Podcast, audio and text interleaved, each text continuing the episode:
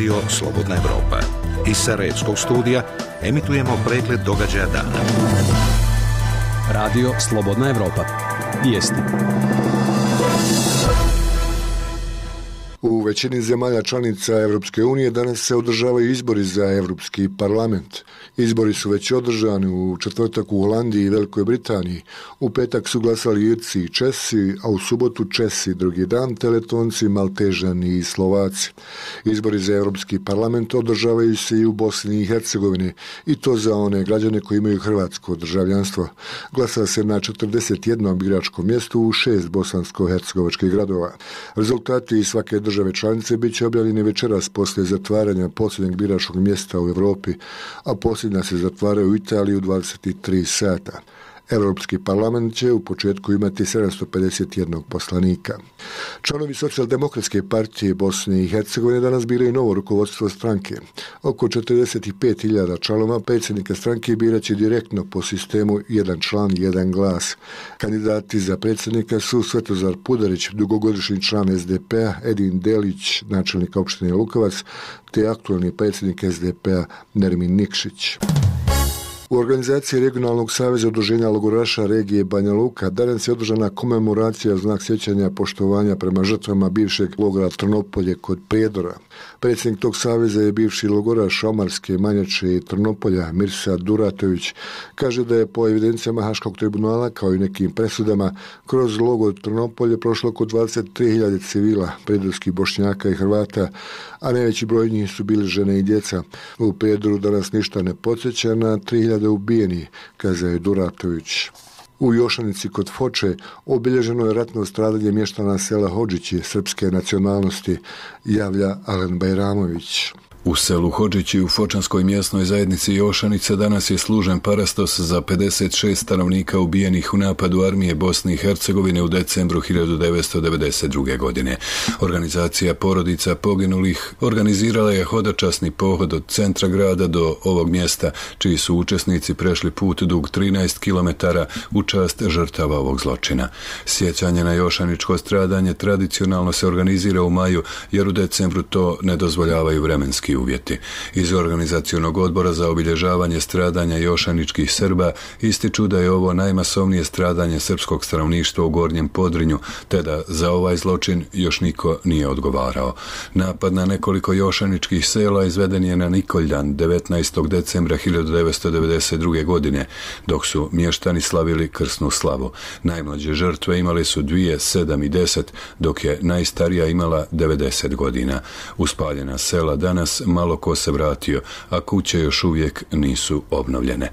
Za radio Slobodna Evropa, Alen Bajramović.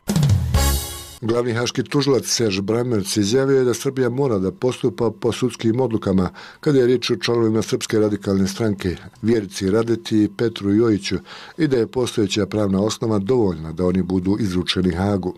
Bramerc kaže da je u izvještaju koji će prezentovati 17. jula pred Savjetom bezbjednosti Ujedinjih nacija ukazao da regionalna saradnja nije dobra kao što bi trebalo da bude. Američki predsjednik Donald Trump pozvao japanske biznismene da povećaju investiciju u Americi i najavio da će se pozabaviti trgovinskim debalansom između Sjedinja američke država i Japana, kao i da će osigurati pravičnost i uzajamnost. Trump je doputovao u posjetu u Japanu, koja treba da pokaže postojanje snažnih veza Vašingtona sa Tokijem i pored sve izraženije trgovinske tenzije između dvije države prenosi agencije. Više ljudi je izgubilo život nakon što je tornado kasno sinoć pogodio grad El Reno u Oklahoma i stravnio hotel sa zemljom. Spasioci su izlačili ljude ispred ruševina hotela, a prema nepotvrđenim informacijama 17 ljudi vodi se kao nestalo. Broj žrtava i povređen do sada nije potvrđen.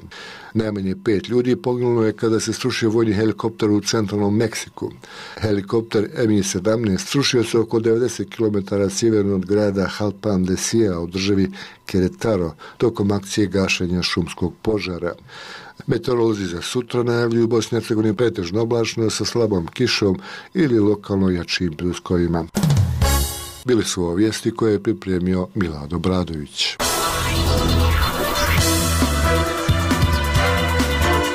Radio Slobodna Evropa. Program za Bosnu i Hercegovinu. Na vratima Evrope. Emisija o evropskim integracijama.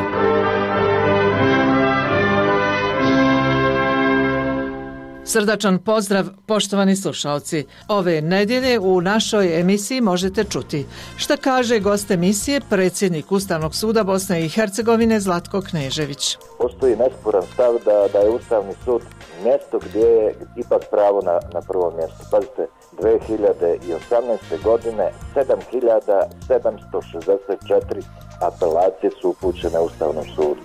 Znači, e, 7764 osobe u ovoj zemlji su smatrali da će Ustavni sud bar ozbiljno razmotriti njihov zahtjev i odlučiti da li je povređeno njihovo pravo ili ne. Iz koalicije za borbu protiv mržnje Bratunac poručuju. Nema neke velike razlike jer ni u jednoj religiji ne piše ubi, otmi, prevari. Znači svugdje piše budi čovjek, budi dostojanstven, to nam je najvažnije. Studentkinja mašinstva iz Banja Luke o svojoj budućnosti. Ja lično nemam želju da idem u drugu neku zemlju. Željela bih ovdje nešto da postignem. Mislim da bi me to više usrećilo. Više je plaćeno taj trud i to znanje tamo nego ovdje, ali sve je to od čovjeka do čovjeka. A sada opširnije o ovim, ali i drugim temama. Na vratima Evrope. Predsjednik Ustavnog suda Bosne i Hercegovine Zlatko Knežević nedavno je uputio zahtjev da se obrati na zajedničkoj sjednici predstavničkog i Doma naroda Parlamentarne skupštine Bosne i Hercegovine kako bi pred parlamentarcima govorio o stanju ustavnosti. U intervju za naš program ističe Parlamenti su problem zato što unutar političkog sistema ili političke kulture postoji potreba da se raspravlja ili da se ostane u rovovima političkih stavova koji onemogućavaju provođenja odluka Ustavnog suda. Razgovarao Milorad Milojević. Gospodine Knežević, kako ocjenjujete to što se neke odluke Ustavnog suda Bosni i Hercegovine ne provode ili se jednostavno zaobilazi? Da ispravimo prvo jednu pomeni ovaj, nenamjernu grešku koja se vrti u javnosti, a to je da postoje mnogo velik broj odluka Ustavnog suda koje nisu provedene. Postoje dve grupe odluka Ustavnog suda koje se provode. Jedna grupa je postupcima po pojedinačnim apelacijama građana Bosne i Hercegovine i tu godišnje Ustavni sud između 6 i 6,5 hiljada odluka donese. Trenutno zvaničan podatak je da nije provedeno 10 odluka.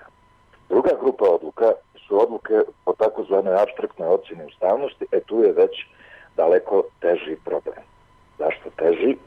Tu kad kažemo nominalno postoji osam odluka koje nisu provedene, kad kažemo nominalno nije velik broj. Međutim, izuzetan značaj svake od tih odluka i tu je sljedeća struktura.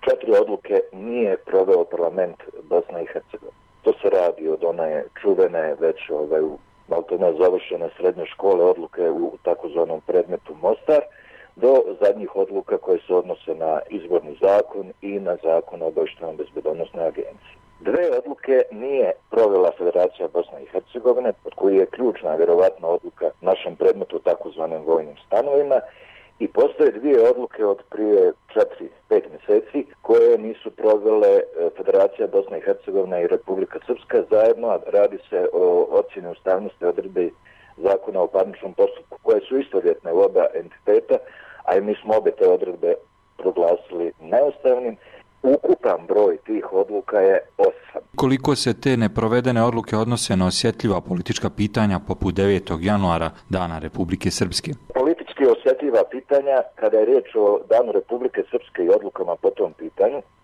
odluka 3 kroz 13 kojom smo proglasili neustavnim, pa dalje sve posljedice iz te odluke, referendum, ponovno donošenje zakona, ponovno odlučivanje o tome, je provedena.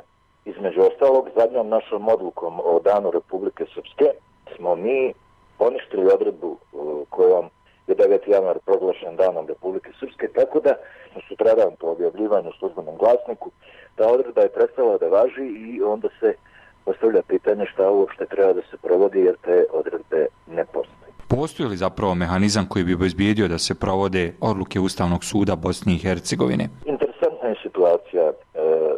Ustavni sud Bosne i Hercegovine nema nikakav problem sa provođenjem svojih odluka od strane sudova, tužilaštava, pa i državnih organa, ovaj, upravnih organa, kad je riječ o nekim kategorijama provođenja, recimo na isplatama imovinskih naknada za nepoštovanje razumnog roka i tako dalje. Ono gdje je problem, je problem parlamenta. A parlamenti su problem zato što unutar političkog sistema ili političke kulture postoji nekakva potreba da se raspravlja ili da se ostane u rovovima političkih stavova koji onemogućavaju provođenje odluka Ustavnog suda. Ako najviše zakonodavno tijelo ne provodi odluke Ustavnog suda, onda se i ne čudimo zašto to onda kao kamenčić u vodi, oni se, oni se prave krugovi, idu sve dalje i dalje. To je problem. U saglasnost potpredsjednika, ja sam se obratio parlamentu Bosne i Hercegovine sa zahtjevom da se Ustavnog suda obrati na zajedničkoj sjednici parlamenta i kaže kako je stanje ustavnosti u Bosni i Hercegovini. To je prvi put unazad 15 godina da mi imamo potrebu da, da to naglasimo u parlamentu, da, da objasnimo parlamentu šta se dešava, koje su posljedice neprovođenja odluka, ne, ne donošenja izmjena i dopuna zakona u izbornom procesu tog Mostara. Pazite, sljedeće godine su ponovo lokalni izbori, pa zar smo mi crna rupa svijeta u kojoj jedna, jedna lokalna zajednica, treći ili četvrti grad po, po veličinu Bosne i Hercegovine, ne može da provede lokalne izbore. Konstantno se u javnosti, pogotovo kada je u pitanju odlučivanje o nekim osjetljivim apelacijama, govori o političkom uticaju na rad Ustavnog suda. Šta vi mislite o takvim razmišljanjima? Mislim da, da se tu stvarno barata nekakvim ovaj, neosnovanim ili ja bi čak rekao, čak bi rekao nepristojnim konstatacijama prema, prema Ustavnom sudu. Pa se postoje nesporno politički pritisci na Ustavni sud. Znate, svako ko iziđe u javnost sa tvrdnjom da Ustavni sud treba da ovako ili onako odluči, da e, je za ili protiv nekog zahtjeva vrši oblik političkog pritiska. I to je legitimno. To je, to je oblik političke i društvene klime u kojoj se mi nalazimo. Na kraju, ko je taj koji može da osporava bilo kome pravo na mišljenje. Također, postoji oblik političkog pritiska u kojem ovaj, se svi svrstavaju. Jedna se grupacija svrstavaju na jednu stranu ili drugi na drugu. Međutim, ogromna je razlika između pritiska i uticaja. Uticaj podrazumijeva da neko ima mogućnost da svrstava ili naređuje ili da određuje sudijama kako će da, da glasaju ili kako da diskutuju. To ne postoji postoji naša različita mišljenja, postoji naša različita tumačenja, postoji različita, različite pravne škole koje mi zastupamo. Postoji stavovi oko toga da li Ustav daje preferenciju ovaj, e, jačanju autonomnosti entiteta ili daje e, preferenciju jačanju države na državnom nivou. Dakle, to su različita tumačenja naše različiti stavovi. Ali to ne znači da, da je to pitanje političkog utjecaja daleko bilo. A dobijaju li sudije prijetnje? Dobijamo, dobijamo razne reakcije na naše odluke. Kako da vam kažem, to ovaj, za razliku sudije redovni sudova koji imaju tako ovaj, neposredni kontakt, mi nemamo, ali da dobijamo redovno po, po raznim portalima kvalifikacije, prethodno svrstavanje, teze o našem, da se nasmijemo, našem izgledu, o našem znanju, još uvijek je unutar Bosne i Hercegovine postoji nesporan stav da, da je Ustavni sud mjesto gdje je ipak pravo na, na prvo mjesto. Pazite, 2018. godine 7764 apelacije su upućene Ustavnom sudu. Znači, e, 7764 osobe u ovoj zemlji su smatrali da će Ustavni sud bar ozbiljno razmotriti njihov zahtjev i odlučiti da li je povređeno njihovo pravo ili nije. To je ogromna brana bilo kakvom evo, da ponovim, uticaju ili, ili te. Šta vam taj podatak govori zapravo? Smatrate li vi da građani imaju manje povjerenja u pravosudni sistem u Bosni i Hercegovini? Koliko u podizanju ugleda pravosuđa upravo može uraditi Ustavni sud Bosni i Hercegovine? Vrlo ozbiljno je pitanje koje postavljate. Hajde da kažem nekoliko segmenta u tom. Prvo, mi smo sretni zbog stava građana Bosne i Hercegovine prema Ustavnom sudu, bez obzira što nam je svake godine sve teže. Otprilike za poređenje Ustavni sud Bosne i Hercegovine dobija jednak broj apelacija kao Njemački savezni Ustavni sud.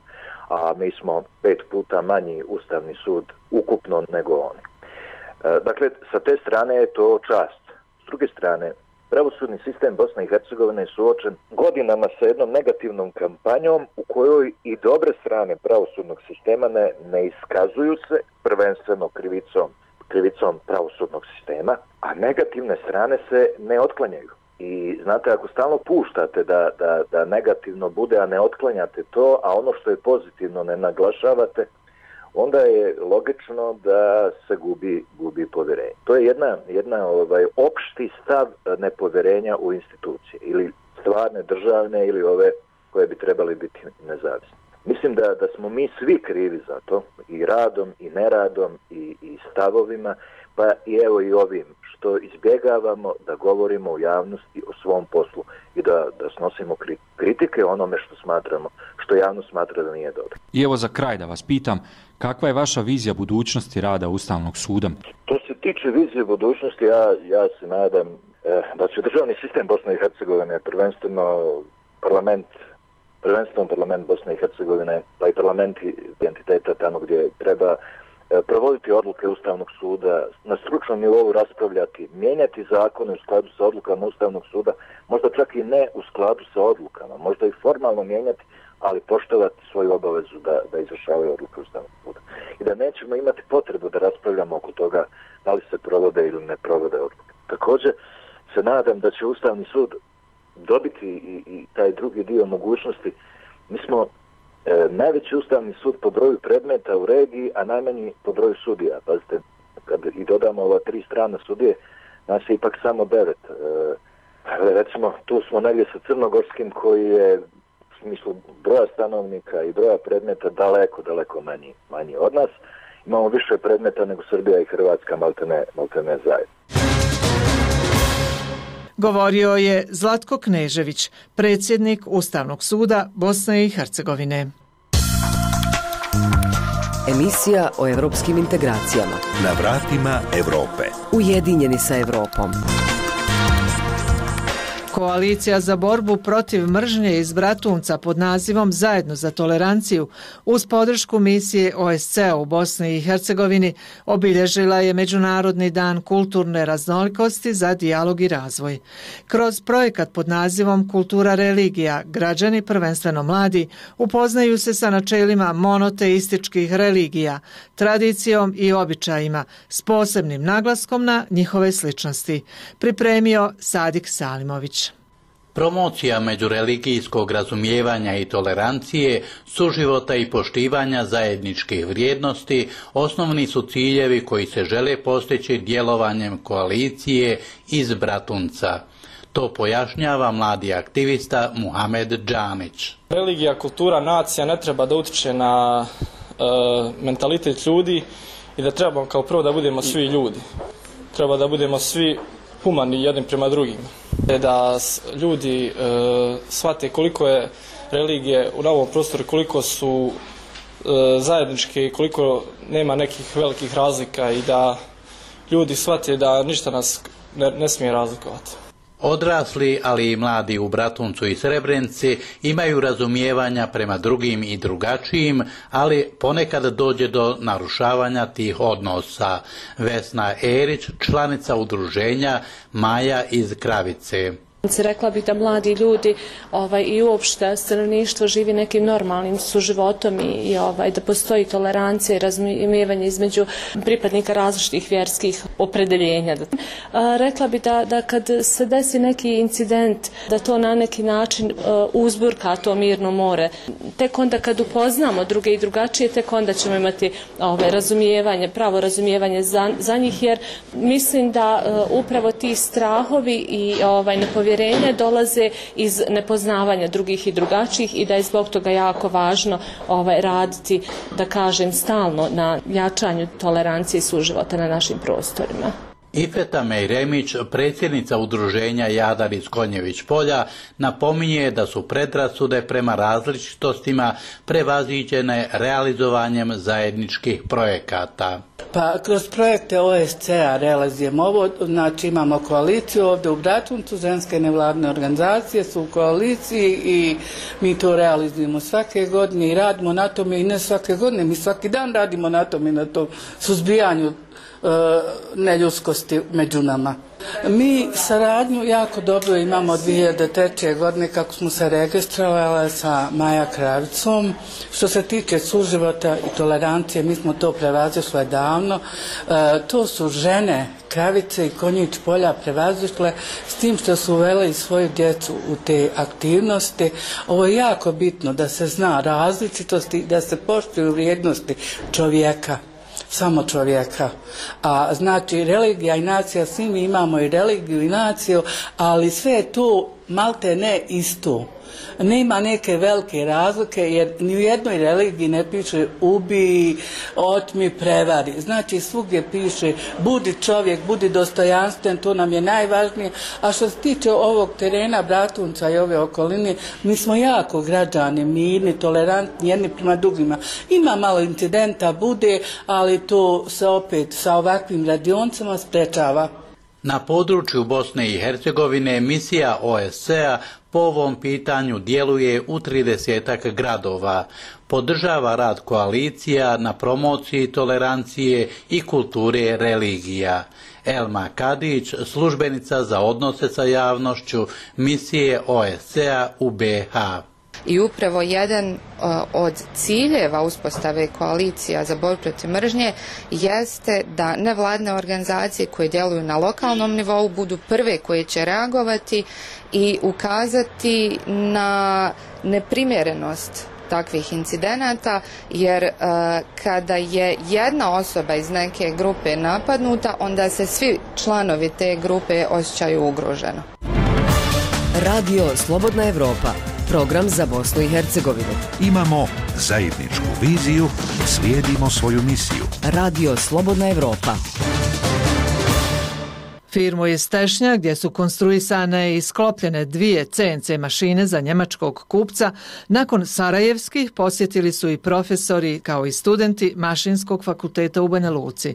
Budući inženjeri kažu da su ovakvi obilasi proizvodnih pogona važan dio studija, te da bi trebalo da ih bude i više. Također ističu da nakon studija svoju budućnost vide u Bosni i Hercegovini. Zabilježio Arnes Grbešić.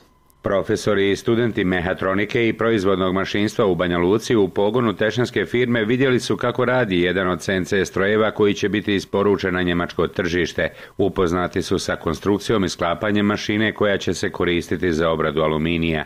Govore Marija Balaban, Marija Šavija i Miloš Stojaković. Za mene mehatronika zanimljiva iz razloga što je tu dosta ima i robota i, i automatike i to je meni izuzetno zanimljivo. Kod nas na fakultetu ima i CNC mašina i možemo mi, imamo priliku da to vidimo, ali naravno da je, da je fino da posjetimo ovako neke firme i da vidimo da se to proizvodi i kako to se radi.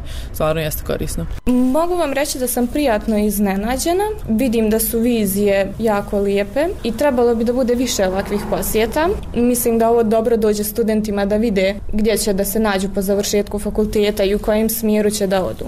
Mi kada se poredimo sa e, univerzitetima u inostranstvu, njihova osnovna prednost je u tome što imaju odličnu praktičnu nastavu i odličnu saradnju sa industrijom. U firmi Prokasa Fisher, koja je osnovana početkom decembra 2017. godine, zaposleno je desetak ljudi.